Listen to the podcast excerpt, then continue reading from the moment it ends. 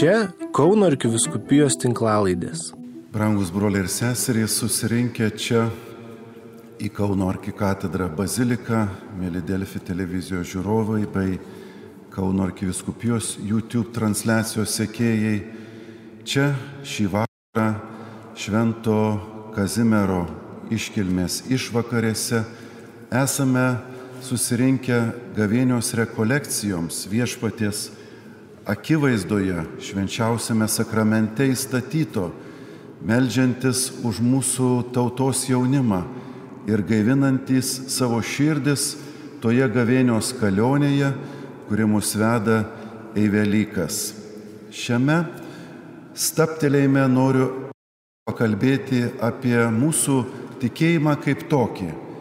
Kasgi čia per laikyseną, kai žmogus sako, aš tikiu, kokia čia gyvenimo tikrovė ir kuo tas gyvenimas skirtingas nuo, sakytume, kito žmogaus, kuris vis dėlto nepasitikė arba tikėjimo neturi.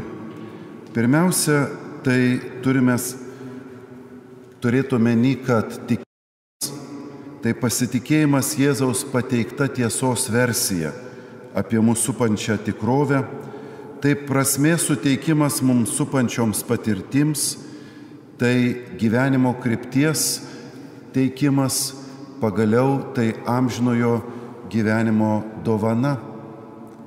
Tikėjimas mums laiduoja tikrovę, kurios nematome ir kalba apie gyvenimą, apie kurį šventasis raštas sako, ko akis neregėjo, ko ausis negirdėjo, kas žmogui į galvą netėjo, tą viešpats pariošė savo mylimiems žmonėms.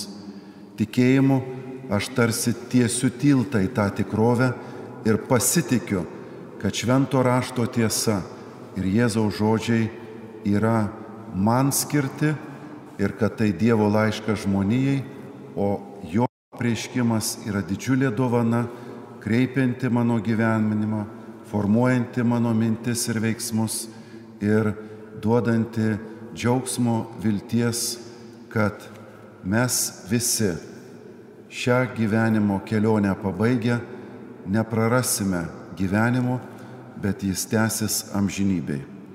Kalbėti apie tikėjimą nėra lengva, nes šiaip remiamės į tą tašką, kurio neapčiuopiam, nematom. Ir štai vienoje Jozefo Ratzingerio knygoje Krikščionybės įvada pratarmė yra tokia istorija, kalbanti kaip cirkas atvykęs į vieną miestelį, staiga pateko į bėdą, prasidėjo ten gaisras ir klaunai buvo įsiusti į gretimą miestą pranešti, kad atsargiai gali gaisras ateiti iki jūsų.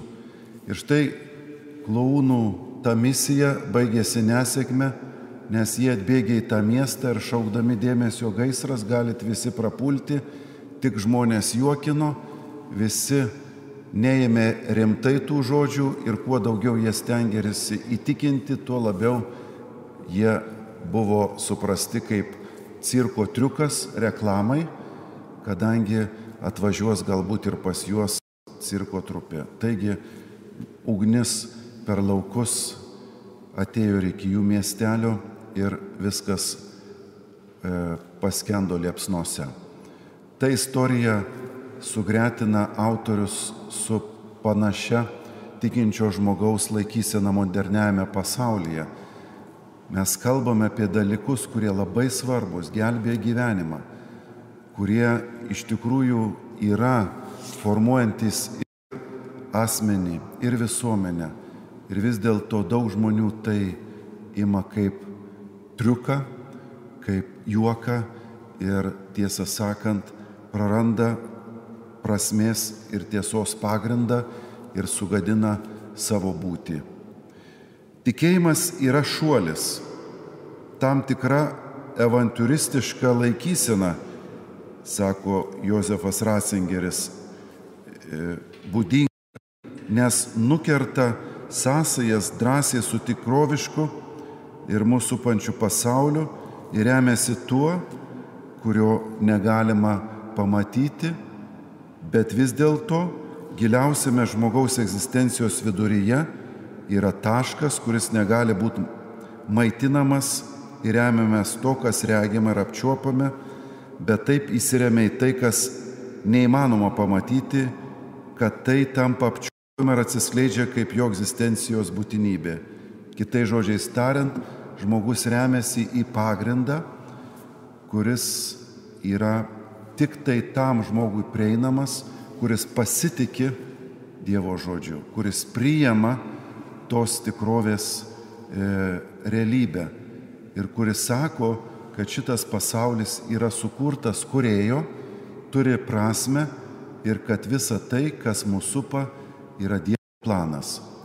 Visa šita regėsena padovanota mums švento rašto tradicijos ir aišku tos ilgos tikėjimo istorijos, kuri tiesą sakant eina per visas žemės tautas, nes kur tik tai žmonių gyventa, kur tik tai kultūros statė ir civilizacijos save išreiškė, visur tikėjimo ženklai. Vieni ar kiti, bet žmogui būdinga tikėti, žmogui būdinga tiesti tą tiltą, tarp šios ir amžinybės tikrovių. Tikėjimas yra stovėjimas ir supratimas. Izaijo knygoje 7 skyriui 9 eilutė. Jei netikėsite, tai neturėsite jokios atramos. Mes esame įsivartę, tik tvirtai tikėdami tvirtai stovėsite. Neturint to prasmės pagrindo, mano gyvenimas praranda kryptį aš tiesiog nežinau, ką veikti ir kodėl turėčiau šitas įvairias kančias ir išbandymus kesti, jeigu viskas baigėsi kapo dobe, jeigu viskas eina tik tai į dulkes ir pelenus. Kaip čia pasakius, jeigu žmogus tik tai traša žemė, tai kodėl šiandien reikėjo keltis iš lovos ir čia kažką veikti ir daryti. Tokia nuotaika žmogus gyvendamas gali tiesiog pradėti sirgti, prarasti motivaciją gyventi ir kai kuriam žmogui baigėsi tai net savižudybė. Nes prasmės klausimas yra labai svarbus kiekvienam iš mūsų ir kuo anksčiau žmogus tą atsako klausimą, tuo sveikesnis ir kokybiškesnis jo gyvenimas. Yra berots Čechovo tokia mintis, kiekvienas 40 metais yra atsakingas už savo veidą. Kitai žodžiais tariant, jau po tiek laiko veidė pradeda matytis gyvenimo būdas. Taigi ir žmogaus pasirinkimai, ir žmogaus nuotaika. Tai reiškia, kad mus tai ne tik tai veikia galbūt kažkokie ateinantis dalykai, bet ši laikysena veikia mane šiandien. Sprendimas už tikėjimą mane įtakoja šiandien mano patirtyse. Tikėjimas yra atsiliepimas į apreiškimą, atsiliepimas neregėjimajam Dievui, kuris, pasak Vatikano antro konstitucijos dėjai verbum, sako, iš didžios meilės Dievas prabyla žmonėms kaip draugams ir su jais kalbasi, norėdamas juos pakviesti ir priimti savo bendrystę. Tai pritarimas visa būtimi, kuris visiškai palenkia žmog, Dievui žmogaus protą ir valią, užmėgsdamas su juo draugystės ir vienybės ryšius. Taigi, tikėjimas yra bendrystės ryšio su Dievu užmėsgymas. Norint suprasti tikėjimo aktą, reikia suprasti Dievo, kuris pirmas ateina link mūsų dovaną jis pirmasis ištiesi ranką į mūsų pusę. Jo iniciatyva esame aplankyti. Dabar mūsų eilė, dabar mūsų veiksmas. Ar priimu šį jo meilės aktą ir ar pasitikiu, kad jo kalbėjimas yra man ir mano gyvenimui skirtas. Lumin Fidei Pranciškaus enciklika labai gražiai apibūdina tikėjimo dovaną. Štai jis rašo. Jėzus kviečia mus būti jo regėsinos dalininkais.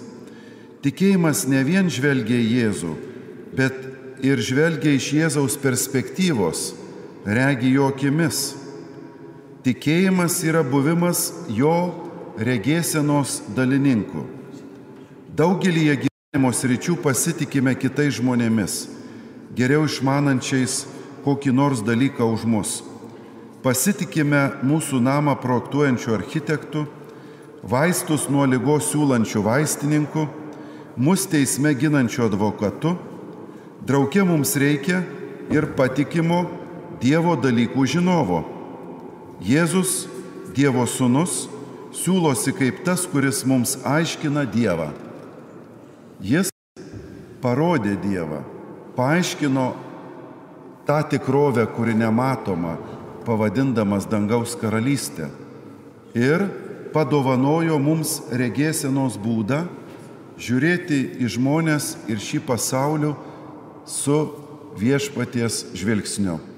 Taigi, matyti kitą kaip brolį ir seserį, o ne kaip priešus, konkurentus ar kokius nors e, nekadėjus. Ta žmogų, net jeigu jis blogą daro, jam atleisti, už jį melstis ir pabandyti kreipti jo žingsnius į gerą, matyti šį pasaulį kaip Dievo namus, tą dovaną, kurią jis mums davė ir pagaliau pasitikėti, kad tas pažadas, kad kiekvienas iš mūsų esame amžini, realizuotųsi mano gyvenime ir aš juo formuočiau savo likimą. Taip, tikėjimas reikalauja iš manęs tam tikros laikysenos, kartais tai reiškia susipriešinimą netgi su ta vadinama populiariaja nuomonė, su ta populiariaja kultūra, bet tikėjimui visada buvo būdinga, kad jis meta iššūkį dėl to, kad jis lygiuojasi į amžinybės standartą, kriterijų. Todėl viskas, kas šioje žemėje, visada tam tikra prasme netitiks to standarto ir visada bus iššūkis tam, kuris kelbė jį. Palikit mus ramybėj, viskas yra gerai, nenervuokit su savo šnekom, kart paklausysime jūsų tokia nuotaika gali užeiti. Ir tiesą sakant, kai žmogui koks nors iššūkis metamas, jisai sako, žinot ką, jūs mus kankinate, čia viskas ramiai gyvenam, o kam čia reikia dar kažko stengtis. Ir vis dėlto kiekvienas krikščionis yra pakviestas tikėjimu ne tik savo gyvenimą statyti, kurti, perkeisti, bet ir taip aplinką, visuomenę. Pavyzdžiui, vergų, vergų panaikinimo įstatymas vergovės. Anglijos parlamentas daug metų sprendė. Ir štai krikščioniška mintimi motivuota jėga gale iš tikrųjų perkeitė įstatymą ir šiandien vergovė jau yra tik tai istorijos puslapiuose. Taip, kartais mes girdime apie modernes vergovės formas, prekybą žmonėmis pavyzdžiui, bet jau visos pasaulio teismų sistemoje vergovė uždrausta kaip žmogaus prigimčiai priešinga ir toks darbo organizavimas yra žmogaus prigimties pažeminimas. Bet tai buvo krikščionių tikėjimo motivuotas veikimas, perkeitęs tikrovę ir šiandien mes esam kitokiam pasauliu. Ir kur tik pasižiūrėsi įvairias institucijas, ar tai mokyklos, universitetai, slaugos įstaigos, ligoninės, visur čia krikščionių iniciatyva, artimo meiliai, tikint, kad tai, ką viešpats mums paliko kaip projektą, yra įmanoma realizuoti kad tai nėra poezija, pasaka ar kokie aičiojimai. Tai yra užduotis kiekvienam iš mūsų šį pasaulį daryti geresnę vietą gyventi. Jei kas nori eiti paskui mane, teisi žada pat savęs, te pasiema savo kryžių ir teseka manimi. Tokie Jėzaus žodžiai sako, kad bus išbandymų. Nebus taip lengva keisti krovės. Reikės aukos. Bet jei žmogus pasiryšta tokiam gyvenimo būdui, jis gauna užmokesti, dovana širdies ramybę, kurios negali nupirkti jokiais pinigais. Džiaugsmas ir ramybė yra švento gyvenimo bruožas. Ir atvirkščiai, Jeigu žmogus prasilenkia su tikėjimu, jeigu daro nuodėmę, jį lydi nerimas, nusiminimas ir pagaliau praradimas. Taigi tikėjimas yra prieimimas Dievo tokio, koks jis yra, su visu savo pasiūlymu, kuris mums galbūt ir keistai kartais atrodo, kodėl viešpats turėjo atpirkti pasaulį per kryžių, o ne kažkokiu kitu būdu bet jis mums parodė, kaip mes turime įstovėti ir kokiu būdu gydoma tikrovė.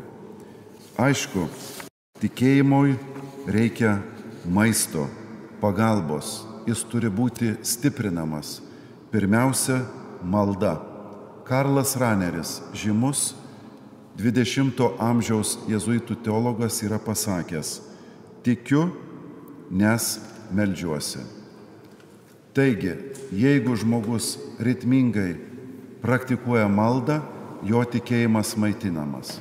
Antras dalykas, žmogus domisi, skaito šventą raštą, e, atsiverčia, vėlgi domisi tuo, ką viešpats yra perdavęs savo e, apreiškimu.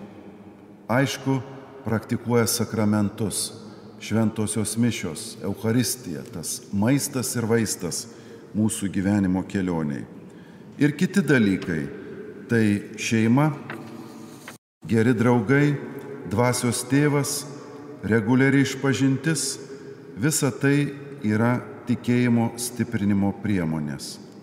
Na ir pabaigai keli apibrėžimai, kurie skamba apie tikėjimą šventajame rašte Tikėjimu esame išgelbėti. Tikėjimo dėka turime gyvenimą, nes teisusis gyvena tikėjimu. Tikėjimu esame nuteisinti. Tikėjimo dėka esame paveldėtojai. Tikėjimu esame Dievo vaikai. Tikėjimu gauname dvasę.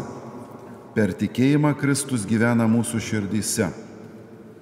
Ir štai apie Mariją sakoma laiminga įtikėjusi. Brangieji, ar jūs esate laimingi įtikėję? Ar mano gyvenime yra tas džiaugsmas, kad turiu viešpatį savo širdį ir kad gyvenimo kelionė yra prasminga? Mes susitvardymu ir meilės darbų praktikavimu, kitai žodžiais tariant, bandome tą lobį kurį mums viešpats patikėjo, įsaugoti, padauginti ir nešti į amžinybę. Čia Kauno arkiviskupijos tinklalaidės. Sekite mus ir prenumeruokite.